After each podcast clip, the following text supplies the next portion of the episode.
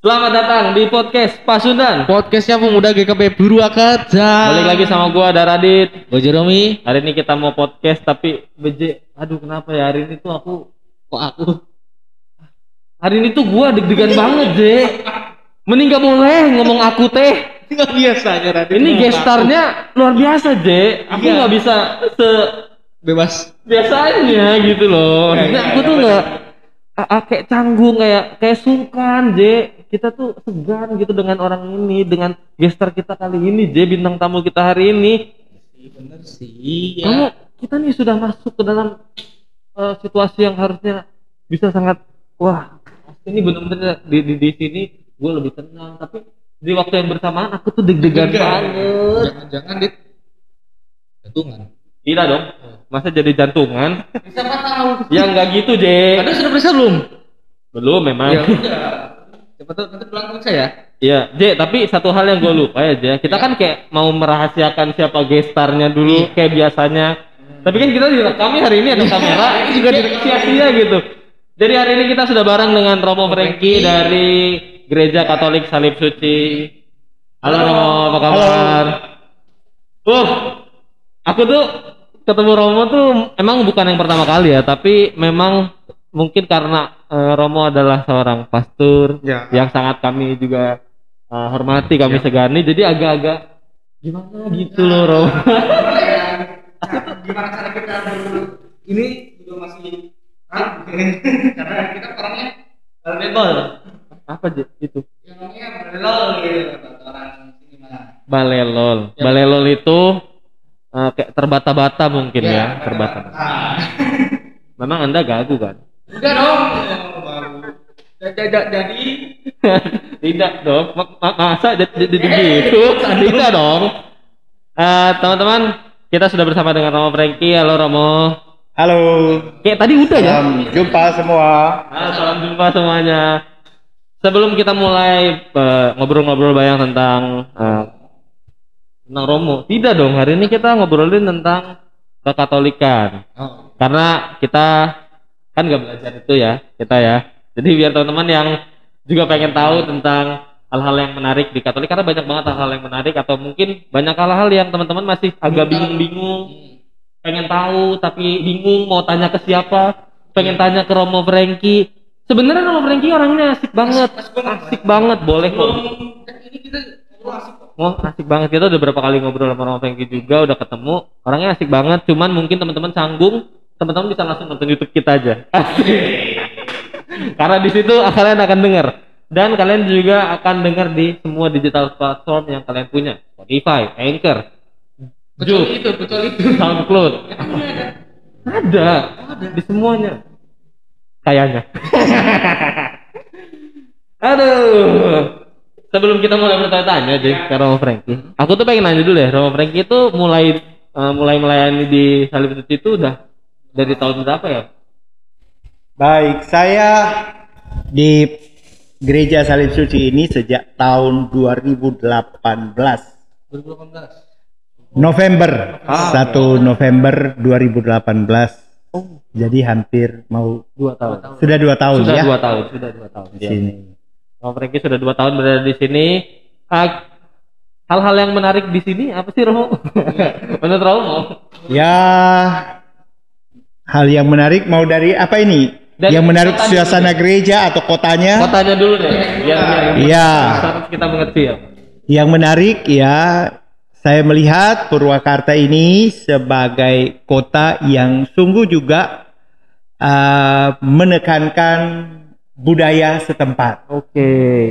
Budaya setempat itu tergambar dari ornamen-ornamen Oh iya, iya, yang iya. ada. Iya iya benar-benar banyak banget ornamen di pinggir. Yang jalan. dilihat juga dengan latar belakang sejarah, bahkan sejarah yang jauh sebelumnya. Hmm, hmm.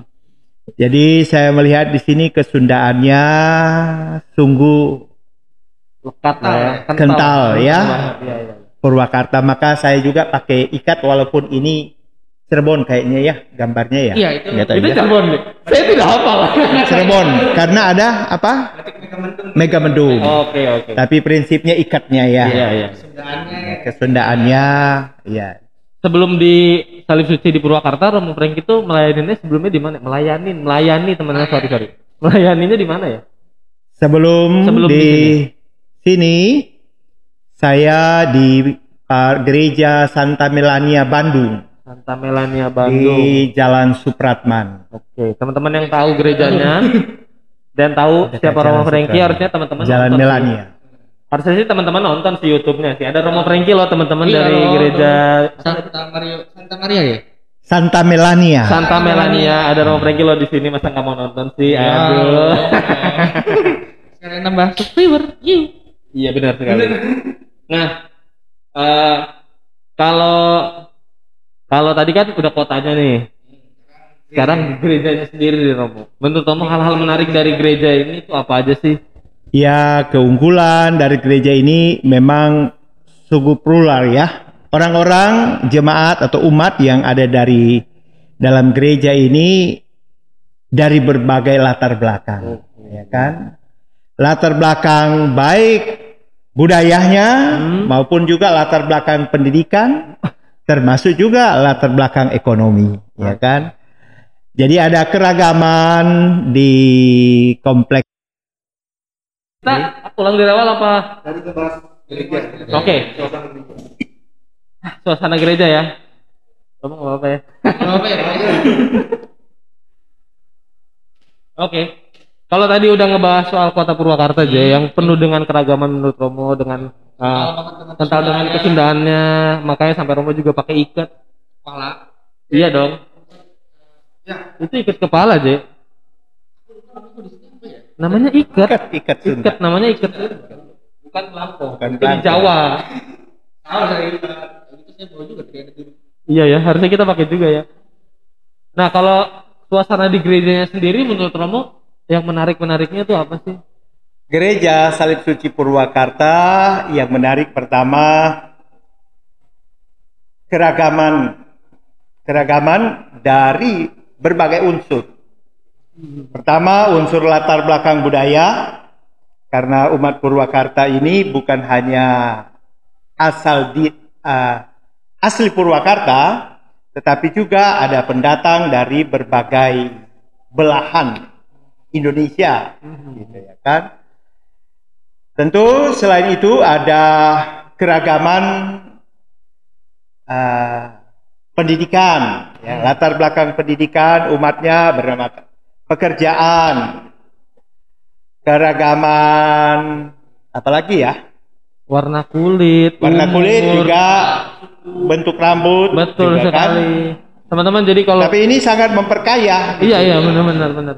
Jadi gereja Katolik Salib Suci ini nggak cuma buat suku Jawa, nggak buat cuma suku Batak, tapi semua buat semua eh, semua umat yang ada di bumi ini yang beragama Katolik. Kalau teman-teman lagi ke Purwakarta bisa ibadah di sini, boleh. Tapi nanti kalau pandeminya udah selesai ya. nah pandemi selesai baru bisa beribadah lagi Nah sejauh ini selama pandemi eh, gereja Katolik Salib Suci ini mela- me- melakukan ibadahnya gimana Romo? Misalnya? Kami selama masa pandemi ini mengadakan ibadat sebenarnya normal dengan Oke. protokol yang Ah oke oke. kesehatan yang ada dengan ketentuan pembatasan jumlah Hmm. yang biasa bebas siapa saja mau datang jam berapa Iya, ya karena di sini awalnya memang kebaktiannya misalnya itu tiga kali Misalnya tiga Sabtu dan Minggu Sabtu sekali Minggu dua kali Oke. Dan selama ini semua bebas kapan mau datang Iya. ya kan? Namun karena masa pandemi ini kita membatasi kuota yang hadir yang biasanya di dalam gereja itu muat 300 orang sekarang kurang lebih 40% jadi 120 140 orang di dalam gereja. Nah oleh karena supaya tidak terjadi penumpukan di dalam satu misa, maka kami membagi berdasarkan uh, wilayah-wilayah. Ah. Kita di sini punya wilayah-wilayah, lingkungan-lingkungan. Saya kurang tahu kalau di Pasundan atau rayon-rayon barangkali Iya, iya. ya kan. Kalau di kita tuh sebutannya sektor. Sektor, Iya, ya. sektor.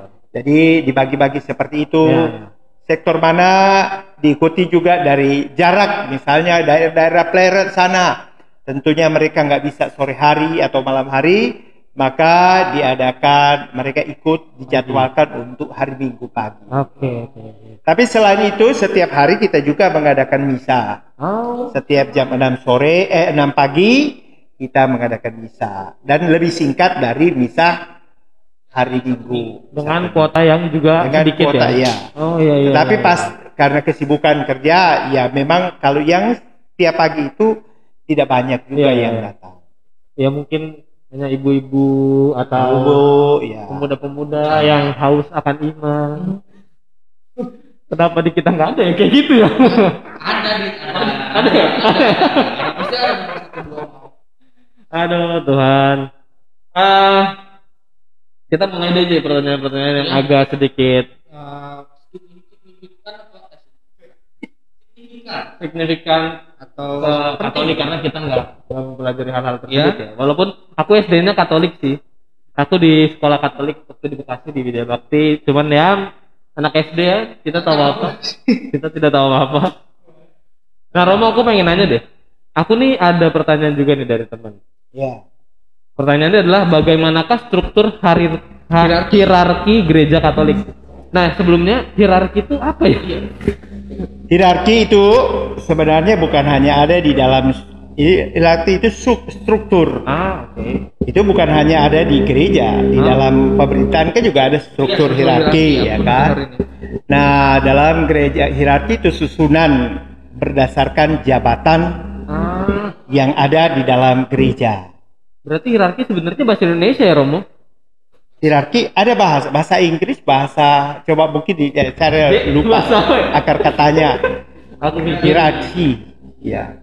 Aku Bahasa pikir Inggris juga. itu Tapi sudah di Indonesia kan. Ah, oke oke oke. Nah, kalau di gereja apa di struktur hierarkinya gereja Katolik itu gimana, Romo? Baik, struktur gere- struktur gereja Katolik dalam hal ini hierarki itu disebut uh, berdasarkan tahbisan. Berdasarkan tahbisan. Tahbisan. Seperti apa tuh? Ah, tahbisan yaitu misalnya yang pertama tentunya dalam gereja Katolik itu paling tinggi adalah Bapak Paus.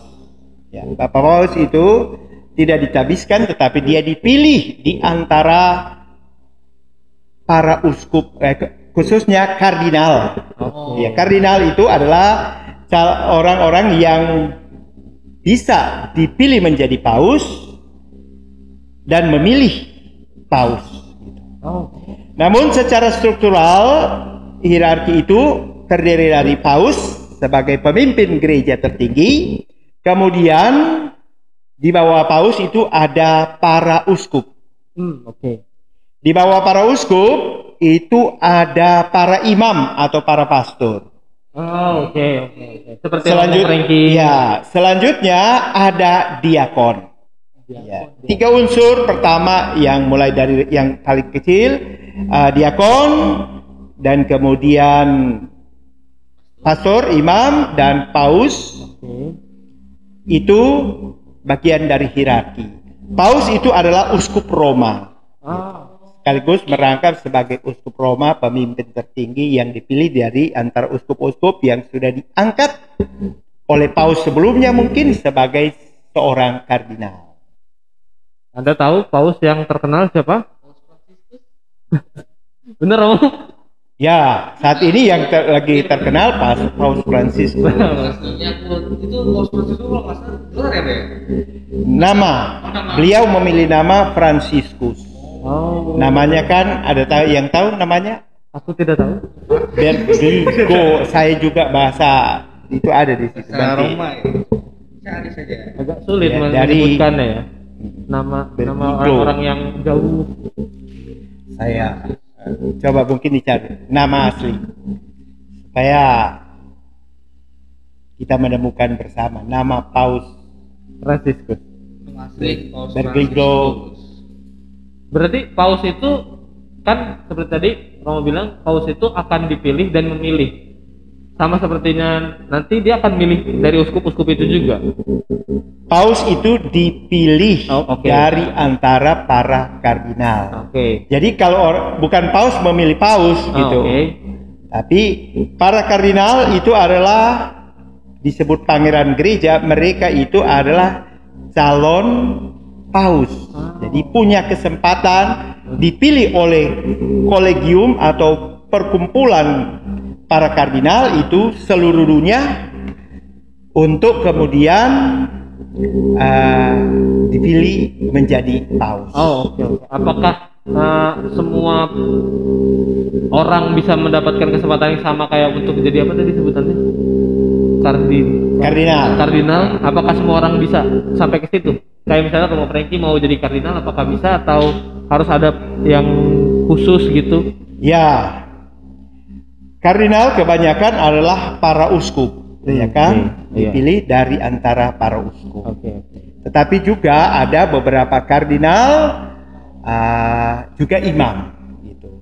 Seperti baru-baru ini ah, Bapak Paus mengangkat beberapa pastor itu menjadi kardinal. Mereka bukan uskup, tetapi oh, itu. Tetapi pada waktunya biasanya mereka akan dilantik dulu menjadi uskup berarti bisa dari pastor itu bisa naik jadi uskup Iya. itu semua semua pastor ada ada ada kesempatan yang sama ya Ya, Oke. Tapi itu kan kita lihat sebagai karunia atau Iya, rahmat betul ya kan. sekali, karena kita itu- karena ini bukan dilihat sebagai jenjang karir. Iya iya Ya kan? ya betul sih Jadi wah saya jadi pastor nanti sudah kebayang nanti tahun segini mau jadi uskup tidak. oke Tetapi itu rahmat yang dipilih dianugerahkan kita percaya dari Tuhan lewat juga para imam lewat tentunya dengan keputusan dari Bapak Paus oke untuk jadi seorang uskup ya. ya Begitu juga untuk dipilih jadi kardinal. Ah, berarti semuanya adalah ah, hal yang sangat mungkin tidak terduga karena itu hanya karunia dari Tuhan. Tidak ada yang bisa memikirkan sepertinya tahun ini saya menjadi pastor, beberapa tahun lagi saya akan menjadi uskup. Tidak bisa teman-teman ya. kayak karyawan gitu ya Teman-teman Protestan yang tidak mengerti tidak itu tidak seperti jenjang karir ya teman-teman. oh ini ada dit Apa, Dit? asli Paus Franciscus Apa tuh yang dari tadi kita cari-cari? Jorge Mari Mario George, iya, George Giorgio Mario Bergo Bergoglio. J ini kita direkam di YouTube J jangan bikin malu.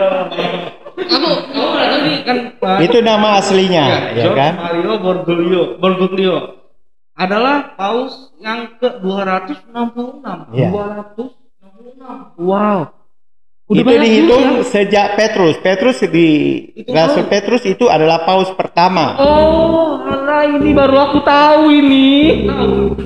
Baru aku mau nanya, ini yang pertama siapa? Ternyata setelah saya dijawab.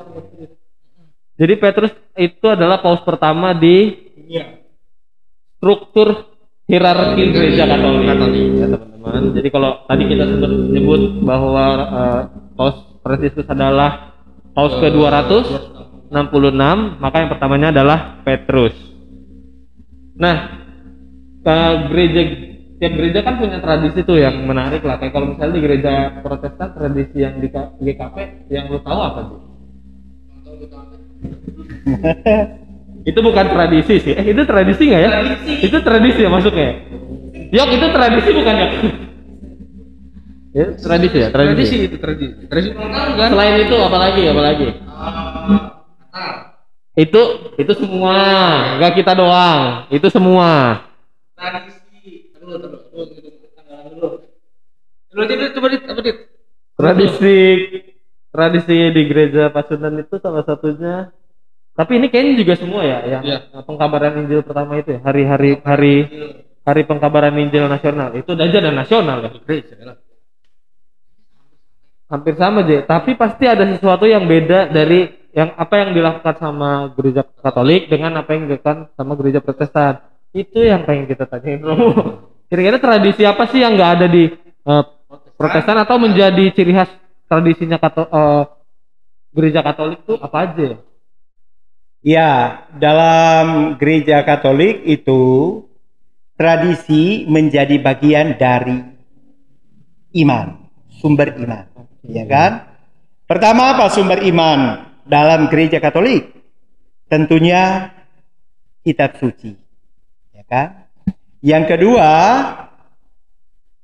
tradisi. Dan yang ketiga, yang disebut magisterium atau ajaran gereja. Sumber pertama tentu kitab suci. Kitab suci itu juga ya da- tradisi eh, tentu jelas hampir sama dengan dari gereja Protestan menjadi sumber iman. Betul. Tradisi itu diturunkan dari sejak para rasul sampai sekarang terus menerus itu dihayati oleh gereja. Oke. Dan magisterium adalah ajaran yang kemudian diputuskan oleh para bapak-bapak konsili ketika mengadakan konsili atau keputusan-keputusan uh, gereja yang lain gitu. Ada banyak bentuknya dari apa magisterium dari ajaran-ajaran itu dengan tingkat-tingkat yang berbeda pula.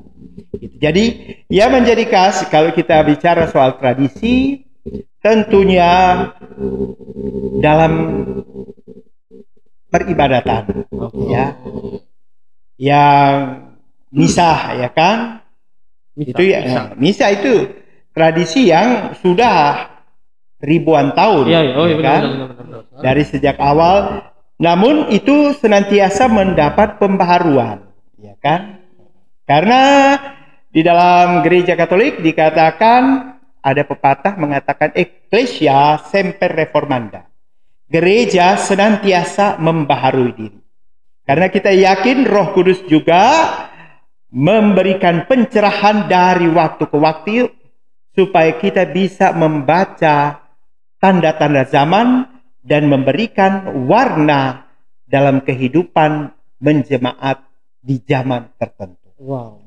Berarti apa dalam kata lain Roh Kudus itu akan selalu mengikuti zaman deh, akan selalu update tiap tahun. that Dia nggak akan terlambat, tidak akan ketinggalan zaman.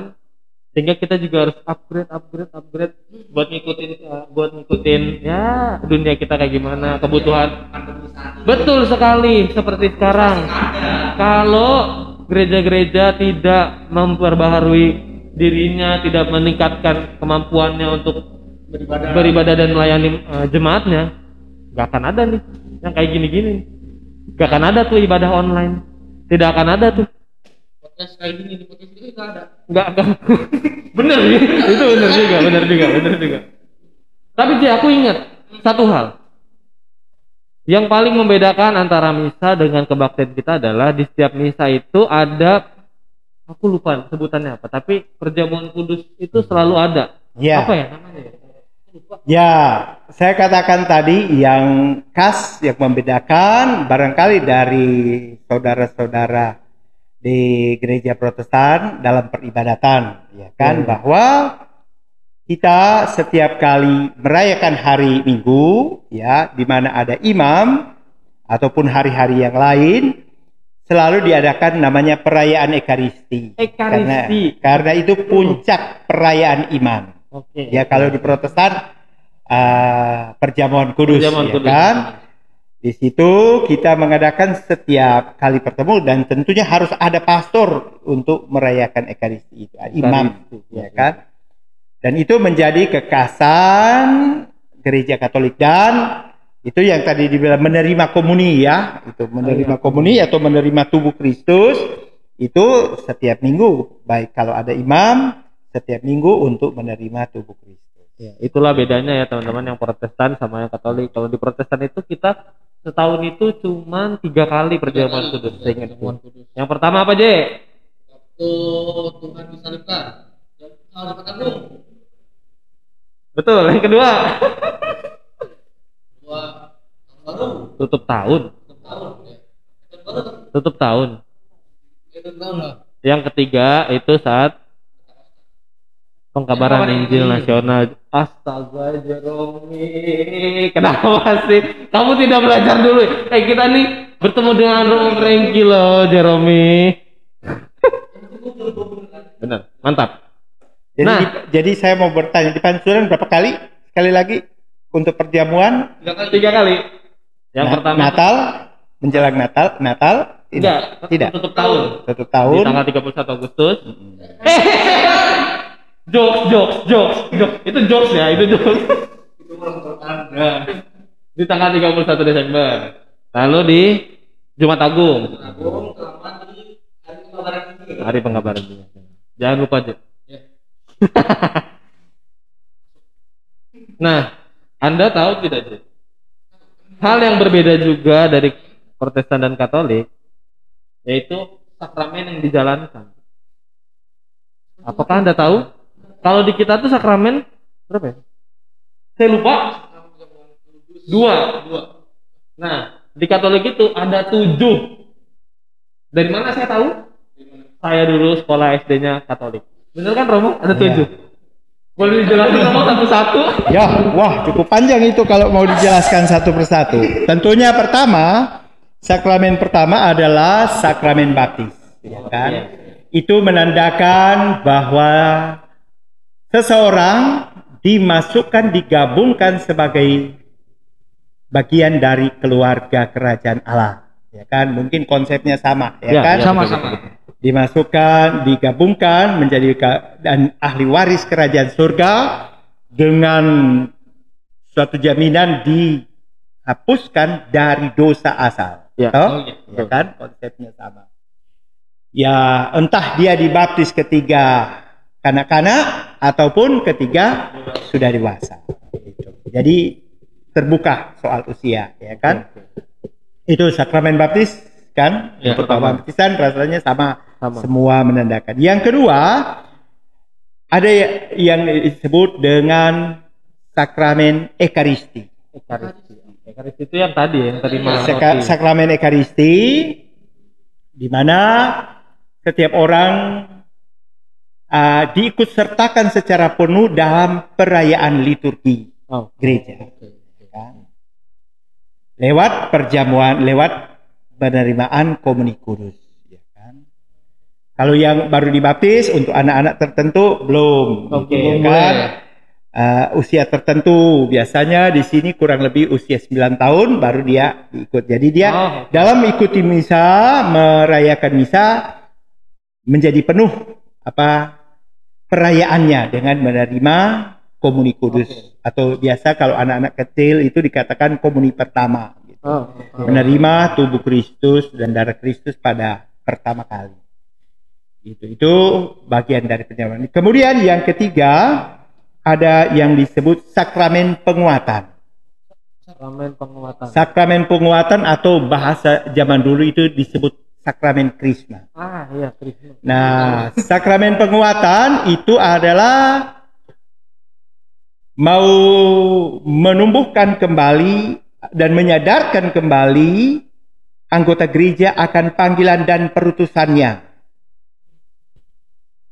Bahwa dia bukan hanya sekedar terlibat di dalam peribadatan, tetapi melalui sakramen penguatan itu kekasan adalah doa pencurahan Roh Kudus. Oke. Ya, dia akan ditumpangkan tangan dan yang akan memberikan itu biasanya Bapak Uskup. Ah, perlu diingat sebagai catatan, uskup itu adalah representasi dari para rasul. Ya, Oke, 12 rasul yang lalu, ya kan? Makanya dia masukkan. Kemudian ah, diberikan kepada mereka pada usia kurang lebih umur macam-macam ya, Ya. tergantung kebijakan, tapi rata-rata 12 di atas 12 tahun. Oke. Karena diharapkan anak usia itu sudah bisa mulai memahami, ya Hmm, kan? ya, ya. Memahami dan siap untuk diutus dengan daya Roh Kudus untuk mewartakan menjadi saksi. Ya. Jadi tugasnya pertama kalau baptis dia hanya diterima sebagai bagian dari keluarga. Yang kedua dia diterima lewat sakramen apa tadi ekaristi, Ekaristi. dia diterima untuk uh, ikut serta secara penuh dalam perayaan ekaristi, merayakan perayaan ekaristi. Dan yang ketiga lewat sakramen penguatan atau sakramen krisma dia dilibatkan untuk karya perutusan atau karya kerasulan gereja. Jadilah ikut ambil bagian Ambil bagian dalam pelayanan. dalam pelayanan. Lalu yang keempat, Yang keempat, eh, yang yang ketiga tadi disebut sakramen inisiasi ya, Oke. yang hanya diterimakan oh, pada waktu pertama. Ya, yang keempat adalah disebut dengan sakramen tobat. Sakramen tobat di mana seseorang menyadari kelemahan dan kekurangannya dan keberdosaannya dalam menjalani hidup. Ya kan manusia tidak sempurna tetapi kemudian diberikan kesempatan oleh belas kasih kasih karunia Tuhan untuk memohon rahmat pengampunan. Dan sakramen tobat itu diberikan uh, diterimakan oleh pastor. Jadi hanya imam yang memberi sakramen tobat ya paus, imam ke atas lah ya. Oke. Untuk menerima sakramen tobat. Sakramen ekaristi itu yang merayakan itu kan tadi juga imam ya kan. Baptis pada dasarnya imam tetapi setiap orang boleh diberikan kewenangan untuk membaptis dalam situasi tertentu Ah. luar biasa. Berarti- Jadi misalnya ada bayi dalam uh, dilahirkan tiba-tiba uh, kondisinya mendadak kurang baik, maka kalau ada orang Katolik di situ, orang tuanya Katolik, orang Katolik atau orang tuanya bisa membaptis dalam situasi darurat, iya, gitu ya. Tetapi yang lain berada dalam situasi normal. Hmm. Sakramen tobat itu ya kita mau mengungkapkan uh, rasa penyesalan dan pertobatan kita. Ada satu sisi unsur psikologis, kadangkala kita butuh curhat, Betul. sekali. secara biblis juga dikatakan di dalam Injil Yohanes saya lupa bahwa apa yang kamu ikat di dunia akan terikat di surga. Ada kewenangan untuk para imam ya karena para imam itu mewakili uskup, pemegang tertinggi di di gereja ini yang punya sebenarnya uskup, ya kan, Bapak uskup. Jadi kita hanya bagian dari jabatan uskup yang dipercayakan kepada kita melaksanakan fungsi-fungsi sakramental itu. Jadi melalui sakramen tobat itu umat diharapkan meng- secara terbuka, secara jujur untuk mengakui dosanya. Oh, ya. Yang masuk ke ruangan itu bukan? Iya itu Di sini ada nggak, Ro? ada di Oh. dalam gereja ada. Eh, ya pengen dong. Masa nggak mau? Bener pengen. Dan uh, pastor itu ada rumusan doanya Oh. dan dengan rumusan doa itu dia mengampuni Ah. uh, dosa. Tentu atas nama Yesus dan atas nama Allah Bapa dan Roh Kudus. Aku belum pernah tuh ke ruangan itu, Romo. Boleh nggak sih kalau misalnya kita kapan-kapan main, Bapak lihat ke sana? Boleh. Boleh. Boleh, guys. Boleh. Aku, aku ya, aku ya, aku ya. Anda tidak. Tapi kalau begitu banyak kadang-kala di depan halaman juga bisa, tapi pakai sekat untuk kemudian orang berbisik kita. Ah, dengar. iya, iya, iya. Tapi ada yang disebut kamar pengakuan. Iya, iya. Lihat di film-film seperti itu ada sih. Iya, iya. Karena di- kita kan lihat di film biasanya ruang itu terus kita pengen pengen juga lihat langsung tuh. Iya. Apa? Lanjut tadi setelah Lanjut. sakramen tobat. Sudah aja? tadi sudah ke berapa? Keempat. Keempat. Kelima. Kelima ialah sakramen perkawinan. perkawinan. Anda tahu? Keterlaluan kalau tidak tahu. Sakramen perkawinan, mengapa dikatakan sakramen? Apa itu sakramen? Menurut kalian itu, saya kurang tahu, saya tanya dulu. Menurut kalian apa itu sakramen? Sakramen. Menurut pandangan gereja Protestan. Oh, kalau menurut aku ini, ini pandanganku pribadi ya karena di kita nggak pernah diajar. Oh iya, kita diajarin sakramen ya. Sakramen Ada. itu Apa definisi sakramen? sakramen itu uh, tra- apa, salah satu ini tradisi gerejawi yang ada yang yang biasa dilakuin gitu kayak baptis salah satunya. Terus kalau di di di, di, di Protestan itu baptis sama hanya sama penjagaan kudus kalau nggak salah. Atau sama perkawinan ya dua itu. Aku lupa deh.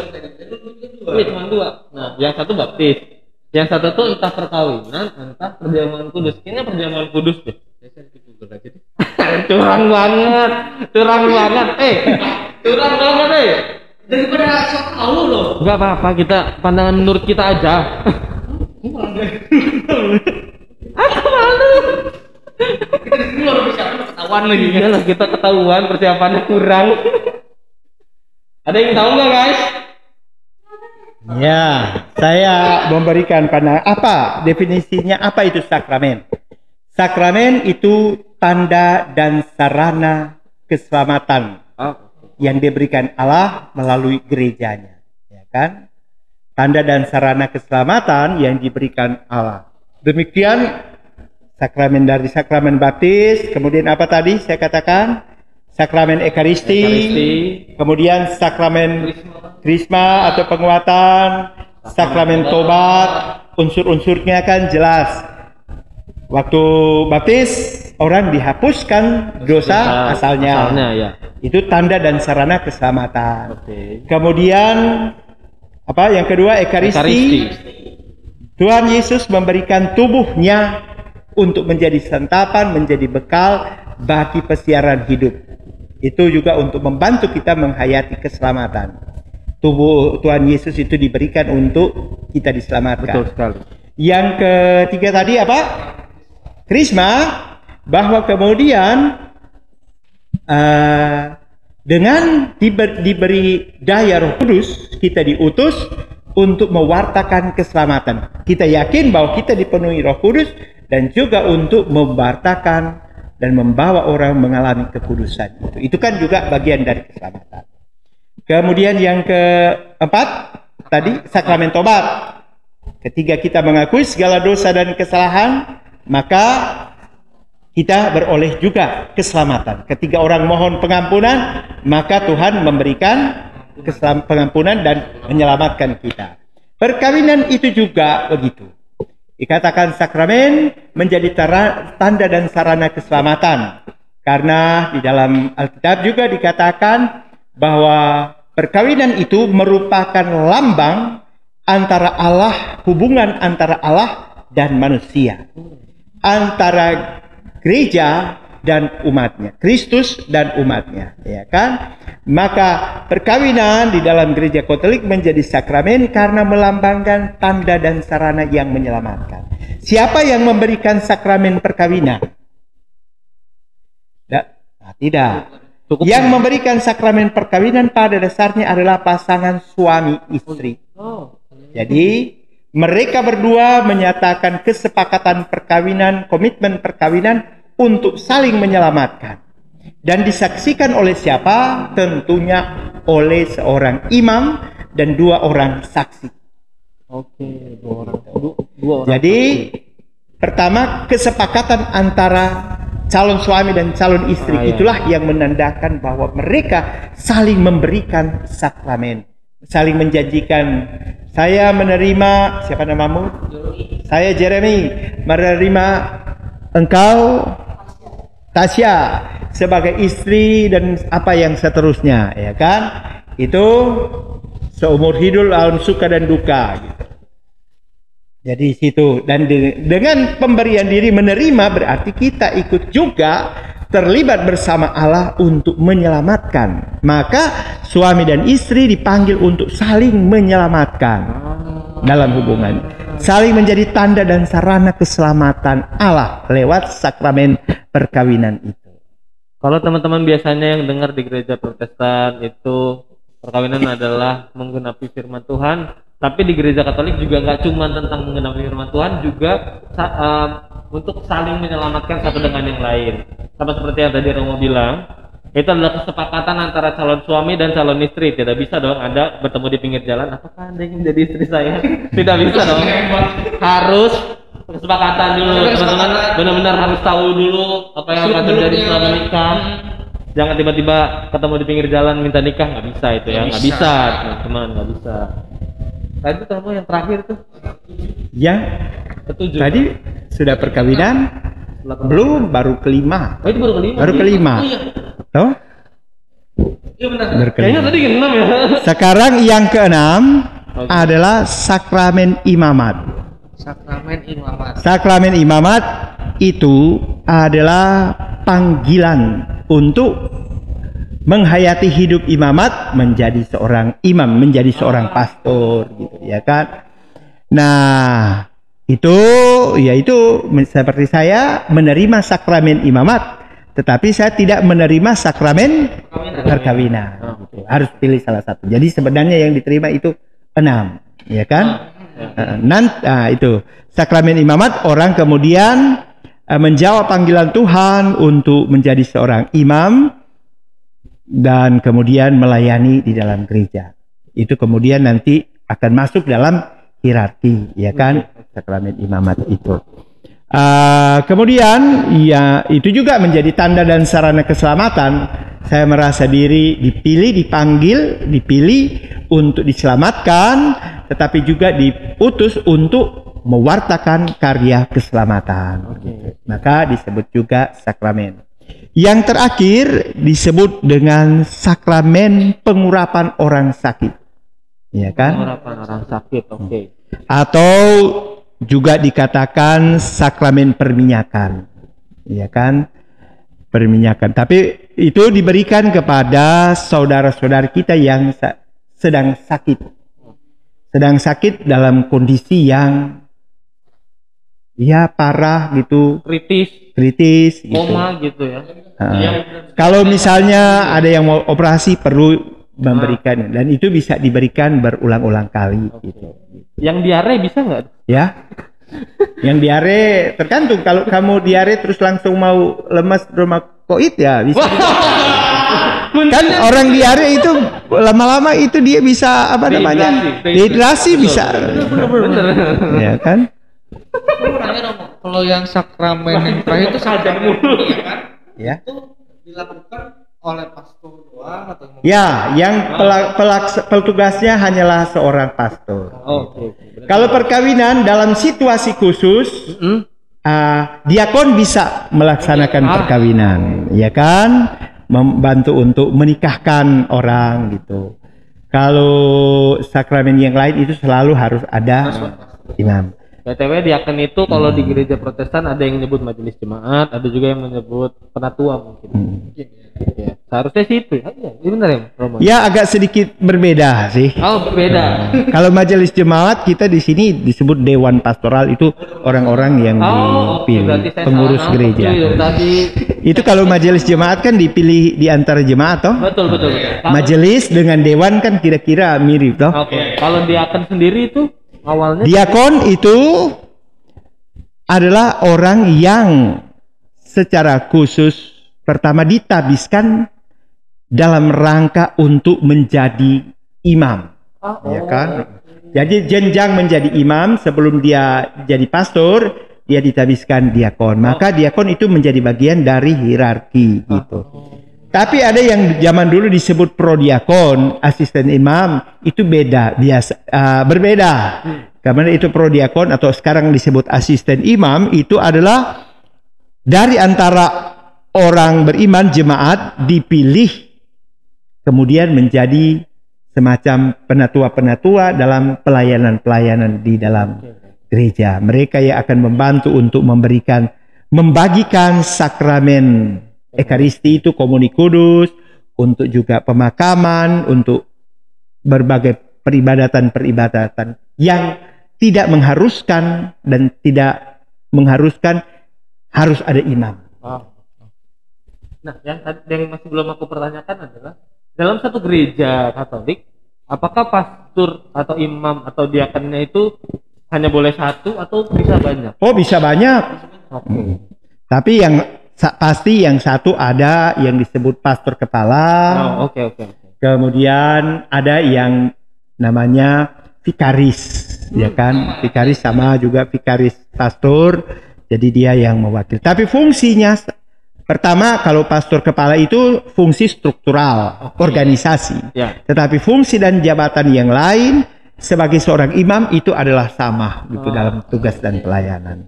Berarti pastor kepala tuh hanya secara struktural aja ya. Struktural. Nggak yang Organisasi. lebih sibuk dari Iya. yang lain nggak juga secara secara peribadatan sama semua. Iya. Nah, yang nggak pernah aku lihat juga nih yang Romo, aku tuh nggak pernah lihat seorang pastor itu perempuan. Apakah memang tidak ada jalur untuk perempuan menjadi pastor? Ya, memang gereja Katolik sejak zaman dulu, sejak zaman Petrus aja itu memang tidak ada me- tidak mengakui dan menjalankan apa tabisan wanita, Ah, ya kan? Tabisan wanita karena ah, gereja mengakui ya pertama para rasul itu laki-laki semua ya kan. Ya, ya, ya. Dan kita ini mengambil tugas dari para rasul, ya kan? Yang notab- notabene sekarang itu repre- direpresentasikan kepada Bapak Uskup. Gitu. Maka Gereja Katolik tidak uh, mentabiskan seorang wanita menjadi seorang imam atau pastor. Tetapi di dalam karya pelayanan gereja, wanita juga diberikan kesempatan untuk tugas-tugas yang lain. gitu. Seperti Seperti tadi menjadi asisten imam, membagikan Oke. tubuh memimpin, itu membagikan tubuh Kristus gitu ya kan. Memimpin peribadatan yang tidak membutuhkan imam. imam itu juga bisa gitu Oh. ya kan. Jadi mengurus satu wilayah jemaat juga bisa seperti kita apa tadi di eh, Sektor. lingkungan Sektor, kita sektor. ah, apa tadi? Sektor. sektor juga pengurus ya secara jadi tetap wanita itu diberi kesempatan untuk terlibat dalam pelayanan gereja Oke. tetapi dalam tugas imamat itu hanyalah ah, laki-laki saja Kalau biarawati itu sendiri gimana pak? nah biarawati itu bukan bagian dari hierarki Oke. Beda lagi. beda mereka itu adalah orang awam biasa ada biarawati ada biarawan Oke. yang bukan imam. Tapi ada biarawan yang adalah imam, yang adalah uskup, ya kan? Tapi kalau biarawati itu adalah seperti umat awam biasa, umat beriman biasa, tetapi mereka mencoba menghayati hidup dan semangat Injil. Jadi menghayati hidup kalau biarawati itu hidup kemurnian dengan tidak menikah, kemudian hidup kemiskinan, hidup sederhana, dan kemudian hidup ketaatan. Para imam juga punya bagian dari itu, menghayati tiga yang disebut tiga nasihat Injil. Para imam, biarawan, biarawati itu menghayati yang disebut tiga nasihat Injil itu. Tiga nasihat Injil. Apa aja tadi? Kamu udah bilang loh. Yang pertama. Miskin, Miskin. Yang kedua. Tidak menikah. Apa itu tadi sebenarnya? Kesucian. kemurnian, kemurnian, Tiga. Saya juga lupa ini makanya. Lupa. ketaatan. Ketaatan. Ketaatan. Iya. Nah, ya. Jadi itu alasan kenapa eh, seorang pastor dan biarawati itu tidak menikah karena menjalankan tiga Tiga nasihat Injil. yaitu di unsur kesuciannya. Biarawati bukan perempuan dong berarti pak? Biarawati tentu perempuan. biar- biar- Biarawan biar- itu laki-laki Oh, gitu. maksudnya tidak. Saya baru tahu ada biarawan. Benar. Dia kali ini biarawan tuh. Cuma biarawati doang, tidak ada biarawan. Itu yang saya. Biarawati itu mereka karena hidup di kalau saya ini bukan biarawan, Oh. Oh, Ya. iya. saya pastor. Tapi ada pastor yang biarawan, Oh, Oke. yang menghayati hidup bersama dalam satu biara. Kalau saya pastor diosesan itu tidak terikat pada satu biara tertentu. Jadi saya bisa ditugaskan oleh Bapak Uskup untuk itu. Kalau saya pimpinannya adalah langsung Bapak Uskup. Kalau biarawan mereka punya pimpinan yang lain selain Bapak Uskup. Pimpinan biaranya. Begitu juga biarawati. Suster. Nah, aku nih pernah Romo dengar kata viatikum. Ya. Nah, viatikum itu sebenarnya apa ya? Viatikum ya itu adalah eh, pelayanan rohani untuk membawa komuni kudus kepada saudara-saudari yang sakit. Iya, karena sebelumnya, ini sebelumnya Romo ya. Beberapa tahun ke belakang, kalau misalnya kita di gereja ikut melayani kayak Iya. main band Iya. atau ikut nyanyi, kita itu selalu dapat viatikum. Setelah kita tahu viatikum itu apa artinya, kayaknya kok kita belum mau meninggal kok. Apa itu viatikum di Pasundan? Itu viatikum itu seperti pelayanan untuk orang yang meninggal. Mau meninggal. Setelah kita ketahui itu Iya, ya. standar seperti itu. Jadi kita masa pun apakah kita disuruh meninggal? Ya sebenarnya bukan berkaitan selalu dengan pemberikan pemberian sakramen Minyak. pengurapan Oh, orang pengurapan, sakit oke. dan dilangsungkan dengan pemberian viatikum atau komuni kudus tubuh Kristus kepada orang yang sedang sakit. Dan bu- bukan berarti bahwa dia kemudian akan meninggal. Ah, oh. Kalau dia akan meninggal, ya dia juga sudah menerima bagian dari tubuh Kristus yang kita percaya menjadi bekal pesiaraannya di dunia ini menuju ke surga.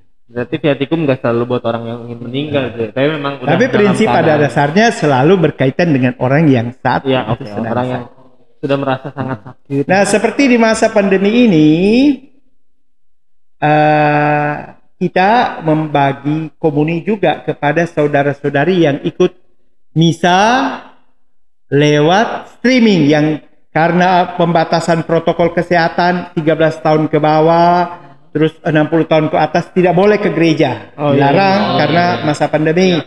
Maka kita memberikan komuni kepada mereka asalkan mereka sudah mengikuti perayaan ekaristi lewat live streaming. Entah perayaan ekaristi kap di gereja yang mana dan kita mengantar untuk itu tapi itu tidak dinamakan viatikum Iya. tapi membagi Iya. komuni ya ya ya ya. ya. nah dari tadi kan kita ngomongin soal fat- eh, pastor tentang biarawati. Nah untuk menjadi seorang pastor, apakah harus menjalankan sekolah teologi atau semacamnya gitu pastor? Ya, untuk menjadi seorang pastor ya, pertama untuk jadi imam ya disebut imam, tentu harus menjalani masa formasio atau masa pendidikan. Itu dari Tergantung dari mana dia mulai merasa terpanggil, oh ya kan? Biasanya sejak anak kecil karena sering dilibatkan dalam kehidupan gereja lewat mungkin jadi misdinar, putra altar, dia mulai terasa terpanggil, wah saya ingin ikut seperti pastor ini. Nah, Itu panggilan kan, panggilan macam-macam ya ya gitu.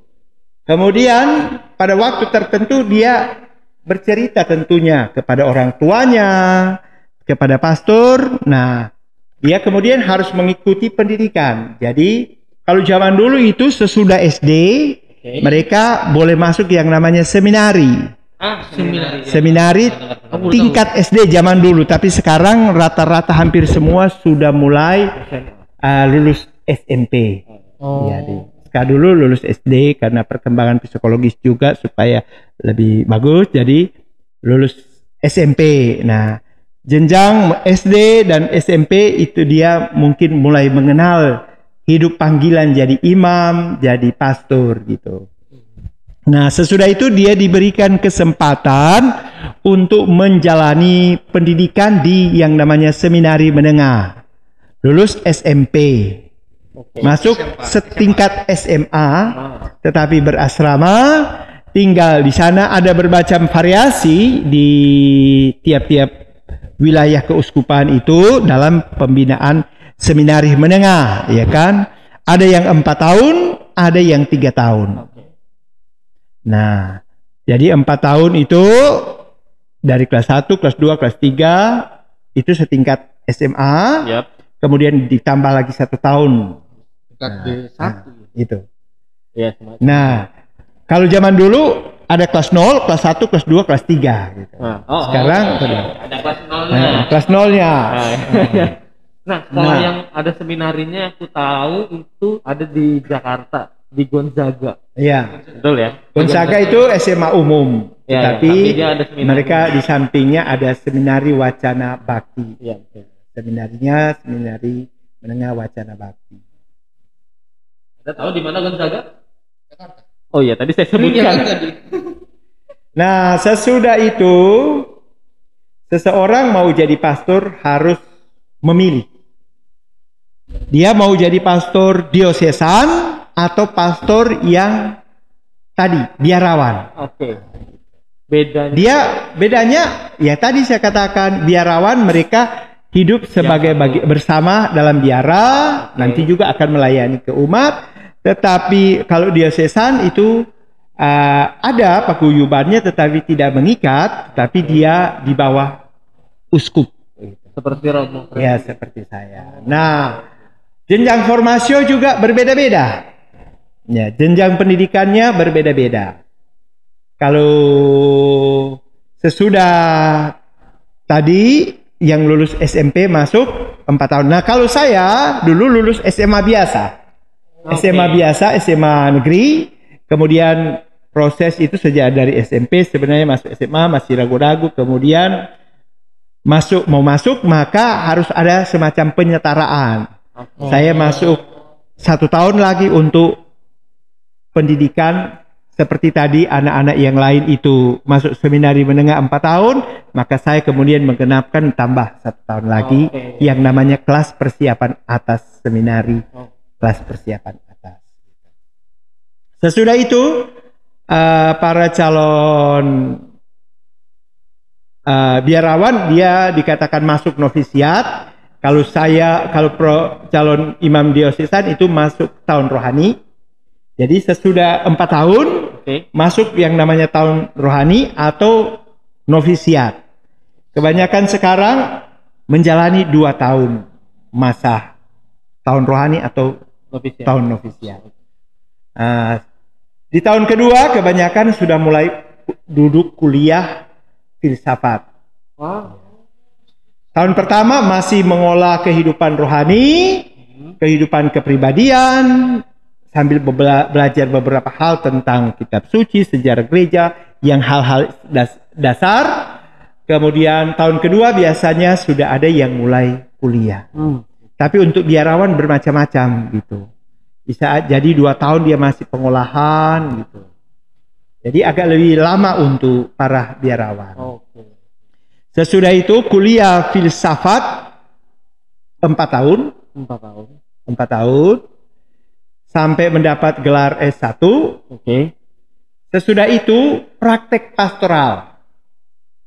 Tahun orientasi pastoral ada yang frater itu dia baru selesai S1 dia datang ke paroki atau kadang-kadang ke seminari untuk praktek pastoral. Belajar sedikit pengalaman pastoral namanya tahun orientasi tahun orientasi pastoral di gereja atau di lembaga gereja yang lain. Bahkan ada yang pergi ke lembaga-lembaga sosial yang lain itu untuk belajar. Sesudah itu pulang satu tahun kalau dikatakan lulus ya itu selalu kalau lulus S1 setiap tahun itu ada penyaringan Ah. ya kan jadi setiap tahun ada yang dinilai dan ada yang berefleksi. Kalau dia merasa mantap, dia maju, maju setelah berefleksi dia maju, saya mau melanjut. Setiap tahun itu selalu ada. Atau kadangkala dari pembimbing mengatakan wah rasanya kamu kurang pantas gitu.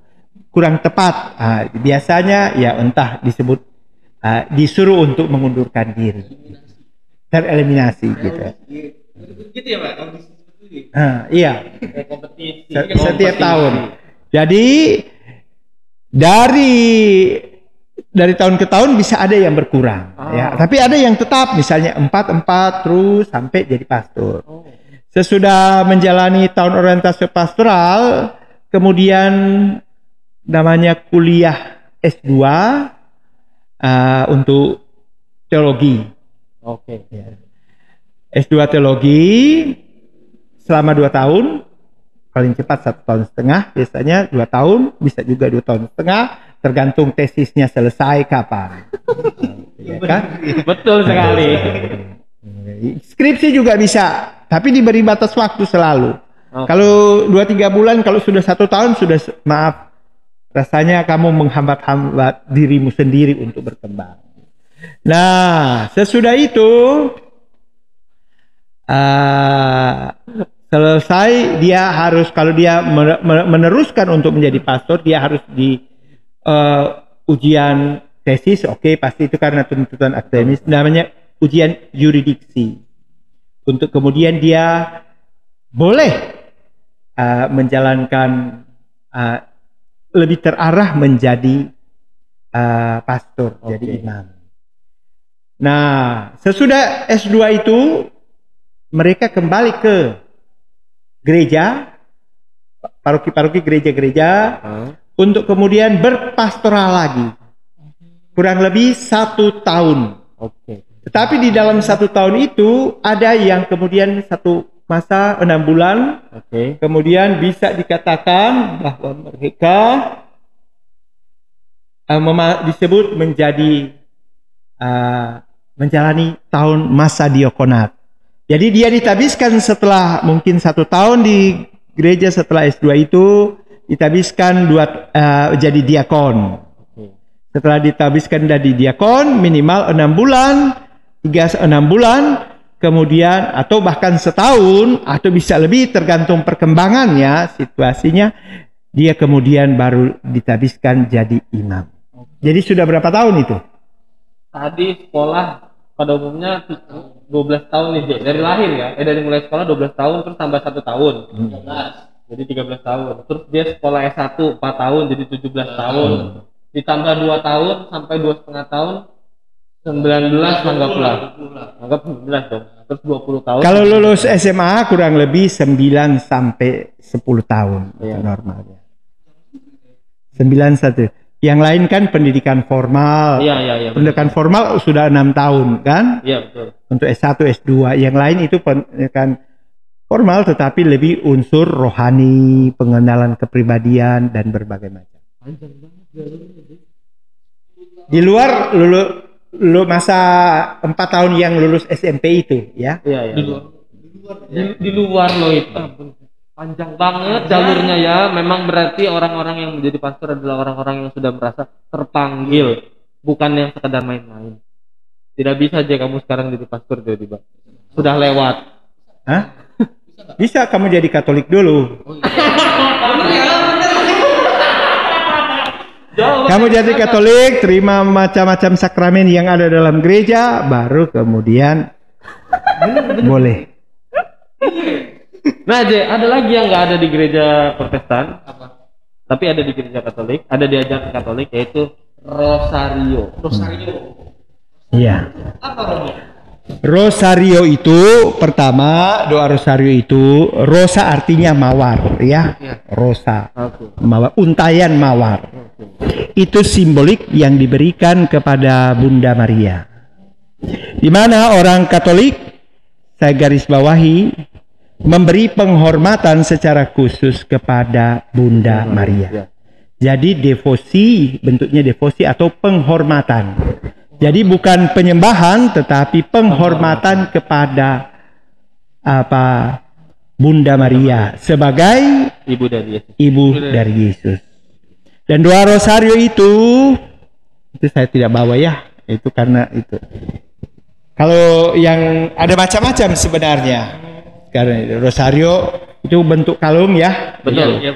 terdiri dari 50 biji dengan ada biji-biji yang lain di mana di situ ada pengakuan iman, sahadat, kemudian ada sapaan-sapaan gelar Bunda Maria, doa Bapa kami dan doa Salam Maria. Oh. Di mana seorang Katolik akan berdoa dari rangkaian itu. Itu sebenarnya sebagai satu tools untuk mendoakan uh, supaya oh ini bisa sekian gitu. Oh, oh. untuk membantu konsentrasi juga Iya, ya iya, kan. iya, iya. Biar kita tuh tahu mulainya di mana terus Iya. lihat oh kita udah segini. Sudah Kita 10 capek-capek karena ini. ada rangkaian. Nah, landasan doa Salam Maria itu adalah landasan biblis. Pertama kan Salam Maria penuh rahmat, ya kan? Itu dikutip dari kabar malaikat siapa? Gabriel kepada. Bunda Maria. Salam Maria penuh rahmat, Tuhan sertamu. Kan? Pernah belajar loh itu. Nah, coba kamu hafal gak? Biasanya bisa kamu dari SD. Iya, ini bisa. Ramo itu saya SD umur sekitar Tapi enam tahun kan? 6 tahun. Tapi J ini saya udah 22 tahun. Saya lulus SD 11 tahun. Ya. Salam Kemudian terpujilah engkau di antara wanita dan terpujilah buah tubuhmu. Ya kan? Buah tubuh Bunda Maria siapa? Yes. Yesus. Itu secara biblis juga dikutip dari uh, saya teruskan aja dulu doanya Santa Maria Bunda Allah doakanlah kami yang berdosa ini. Itu bagian di mana ketika Maria mengunjungi Elizabeth ungkapan kata itu terpujilah engkau di antara wanita dan terpujilah buah tubuhmu Yesus Santa Maria Bunda Allah itu ungkapan Elizabeth kepada Bunda Maria. Bunda Maria ketika Maria mengunjungi dan kemudian apa dikatakan melonjak Elizabeth dipenuhi dengan Roh Kudus dan melonjaklah bayi yang dikandung Elizabeth. Elizabeth. Siapa? Yohanes Pembaptis. Yohanes Pembaptis. Oh, lah. Ya kan? Nggak pernah baca Alkitab. Itu karena dipenuhi oleh Roh Kudus dan Roh Kudus yang mengatakan itu kepada Maria. Di, di- dalam Alkitab juga dikatakan demikian. Ya. Ya. Aku tuh lupa tuh, padahal aku pernah belajar tuh. Coba masih. Nah ini untuk pertanyaan yang sangat eh, raja terakhir nih. Pertanyaan yang sudah ditahan-tahan dari tadi. Gitu. Karena aku pengen korek dulu tentang eh, kekatolikannya, terus tentang eh, apa Pasuran. tradisi-tradisinya, tentang bagaimana orang bisa dari lahir menjadi pasturnya. Hmm. Nah, yang terakhir ini aku pengen nanya ini Romo, pandangan Katolik terhadap LGBT karena beberapa waktu lalu eh, Paus Francis telah menyatakan dukungan atau legalitas atas pasangan LGBT yang akhirnya memicu perubahan menurut Ya. Sendiri gimana? Ya. Sebenarnya pada prinsipnya kita harus mengerti konteks dari apa pernyataan Paus itu. Ya kan? Yang dimaksudkan kalau tidak salah apa kalian mungkin membaca itu ya sivil pengakuan sivil Hmm? yaitu adalah pengakuan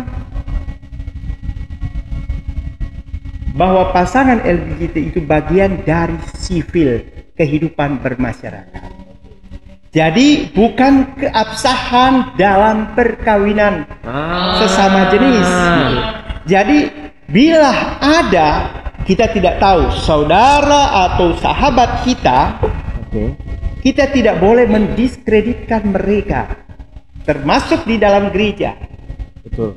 Mereka semua itu adalah umat Allah. Secara sivil, secara umum, apalagi di masyarakat, kita harus siap menerima realitas mereka, walaupun kita menolak apa yang menjadi Kebiasaannya.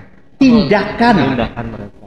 kebiasaan yang eh, yang diperbincangkan itu. Iya, iya. Maka ketika Paus mengatakan itu, Paus mengatakan bukan mengesahkan atau mendukung perkawinan sejenis, tetapi Paus mengatakan bagaimana kita bisa menerima orang-orang itu dalam kenyataan hidup. Kita tidak tahu ada saudara kita barangkali bagian dari itu. Apakah kita harus memusuhi dia? Iya. Tidak, tidak. Maka Paus pernah mengatakan ketika di, ber- orang bertanya tentang LGBT, siapakah aku ini sehingga aku harus menghakimi mereka? Kita ingat Yesus sendiri ketika ada wanita yang apa kedapatan berbuat Berzina. zina atau itu kemudian ingin orang ingin melemparkannya batu, Tuhan Yesus bilang siapa yang tidak berdosa silakan melemparkan batu pertama. Toh? Betul.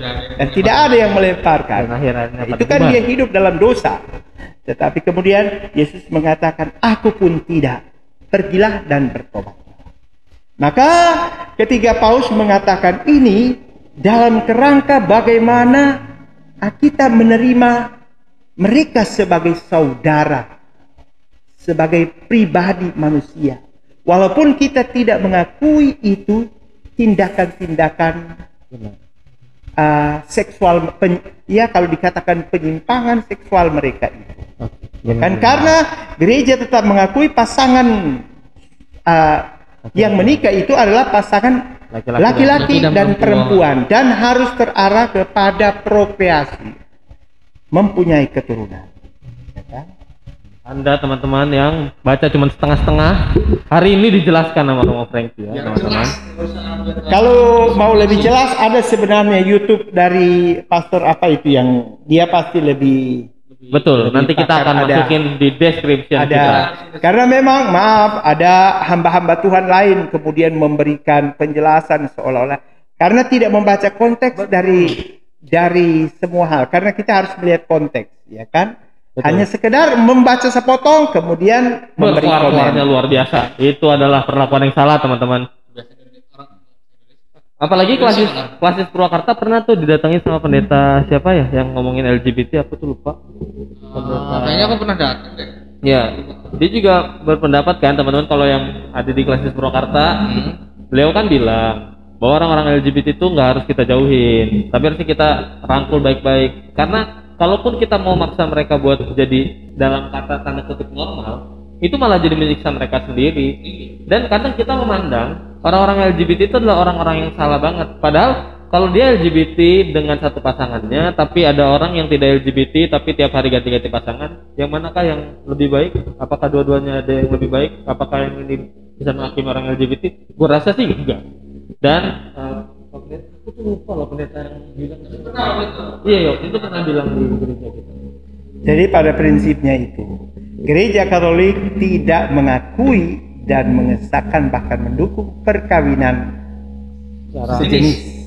tuh dengan teman-teman jangan asal Tapi kita ucap. diajak untuk mengakui eh, pribadi mereka. oke Tindakan dan kehidupan mereka kita tolak, ya kan? Tetapi sebagai pribadi kita menerima. Betul Ya siapa tahu yang LGBT lebih beriman daripada Betul. kalian semua. jangan yang kira LGBT tidak punya keimanan yang besar dengan Tuhan siapa tahu lebih besar dari kita, kita yang normal Siapa tahu persembahannya lebih banyak daripada Anda. Eh, i- tidak begitu aja dong. Keimanan seseorang tidak hanya dari persembahannya. Tahu. Memang betul. Karena Anda lebih lebih baik daripada betul, memang betul. ya. Jadi jangan suka mengecilkan orang-orang LGBT, teman-teman. Jangan dijauhin, Jangan dijauhin. Karena kita sebagai gereja juga nggak cuma Katolik, jadi Protestan, Protestan juga, juga harus sama. melakukan hal yang seharusnya dipandang sama lah sama kita kita Iya, yang pandang manusia sebagai Kita manusia, manusia. sebagai seorang yang Iya. beriman. Kalau kita mendekati mungkin barangkali mereka akan memba- merasa pertama bisa menerima diri, barangkali proses pelaman pelamaan rahmat Allah karunia Allah bisa Betul. mengubah Hmm, betul mereka sekali. ya kan. Benar. Kalau kita jauhi orang itu bisa jadi konfrontasi terhadap kita, dia bahkan akan jauh lebih terpuruk dari situasi yang Betul. ada. Tetapi ketika kita mau merangkul, mau kemudian bukan mengakui tindakan mereka, tetapi mau menghargai pribadinya, maka itu kemudian akan membuat mereka mengalami saya diterima. Siapa tahu perlahan-lahan ada banyak kesaksian orang yang terlibat Iya, betul. LGBT, Banyak, banyak ada di situ kemudian berubah gitu karena penerimaan Iya. penerimaan yang kemudian berproses berproses semakin menyadari akhirnya dia walaupun barangkali perasaan atau apa yang ada dalam dirinya itu tetapi sekurang-kurangnya tindakan LGBT itu tidak dilaksanakan di dalam hidupnya ya kan? Ditekankan kembali, teman-teman. kembali. Uh. Emang orang-orang itu suka kayak gitu ya, bacanya sedikit. Cuman semoga Astaga. Biasanya yang kayak gitu menyebalkan tuh. Pria Astaga. ini menyembelih kambing dengan pisau. Lihat lengkapnya di sini. Gitu kan. Menit ketiga bikin geleng-geleng. Nomor tiga bikin geleng-geleng. Aduh parah itu. Ah, Jadi terkutuk kalian men- menulis deskripsi seperti itu. hei, hei, hei, Anda siapa berani Ah, mengutuk orang? Hei. Ah, Anda harusnya muasabah diri. Aduh, obrolan yang luar Parah. biasa. Terima kasih teman-teman. Kita sampai bertanya dan ngobrol sama Rob Franky itu juga buat teman-teman yang mau lebih tahu banyak tentang Katolikan. Juga hal-hal yang teman-teman tuh masih dipikir-pikir apa apa Masih apa, penasaran. apa, masih penasaran teman-teman ini adalah salah satu solusi dari kita untuk bisa teman-teman dengerin dari Iya. rumah dan ya sepertinya obrolan yang mau kita tanyakan kepada Romo Franky sudah cukup Banyak banget. terima kasih banget Romo Franky mau nemenin kita dan mau Iya. meminjamkan tempat yang bagus ini Bagus banget. ini bagus banget ya tempat Ya, teman-teman kalau mau lihat saya ada- juga mau bertanya kepada kalian orang muda ya, apa tuh boleh, boleh, boleh, boleh. kapan itu hari reformasi? Ya kapan apa-apa Kapan atau hari? Ya, diperingati kapan hari reformasi? Mei Mei Mei tanggal berapa cuy Hah? Tahu nggak? Produser udah tahu. Waduh. Aku tahu ya, Saya ya? juga lupa ya, saya baca literaturnya. Dalam perjalanan apa gereja ya kan disebut apa? Perintisnya siapa? Perintis reformasi Eh, dalam gereja? Martin Luther. ya Martin Luther. kan? Martin Luther. Luther. Eh, gereja juga sekarang gereja Katolik mengakui apa yang dikatakan oleh Martin Luther dengan da- dengan dalil-dalil itu ada kebenarannya. Maka di Roma sekarang di Vatikan ada museum Martin Luther wow yang Kita malah di mana tahu. juga ada. Saya juga belum sudah pernah ke Roma tapi belum pernah berkunjung. udah mau udah ke Roma Tapi dilihat, oh ini bahwa ada tempat di mana juga diberikan uh, apresiasi oleh paus yang sekarang bahwa ada nilai-nilai yang baik yang harus menjadi patokan dalam kehidupan gereja. Wow. Gitu. Promo, saya pengen sih. Tapi be- bener ya se- sejujur-jujurnya aku tidak tahu ya tentang reformasi itu. Iya, aku juga belum Jujur-jujurnya tahu. ini, Aku kira reformasi Indonesia sebenarnya. Bukan. Ke situ. Reformasi hari hari reformasi, gerakan Oh, reformasi hari Martin Luther. Kalau nggak salah dalam sekarang dalam perayaan sudah berapa ratus tahun peristiwa Martin Luther? Guys, Gitu kan? bantu dong guys. Bantu dong. Bantu dong guys. Asli gua Nah nggak tahu. itu kan ini. Ada peringatannya, Oh, ya kan peringatan Martin Luther dan kita di beberapa seminari membahas tentang itu, Oh. ya kan? Lalu kita malah nggak pernah bahas ya. Kenapa ya? Belum. Sepertinya kita akan mencari. Benar, maksudnya kita akan segera membahas itu deh. Karena ini akan menjadi PR juga nih tentang Martin Luther. Iya, Menarik loh. Menarik loh. Buat bahas kita di Iya. podcast.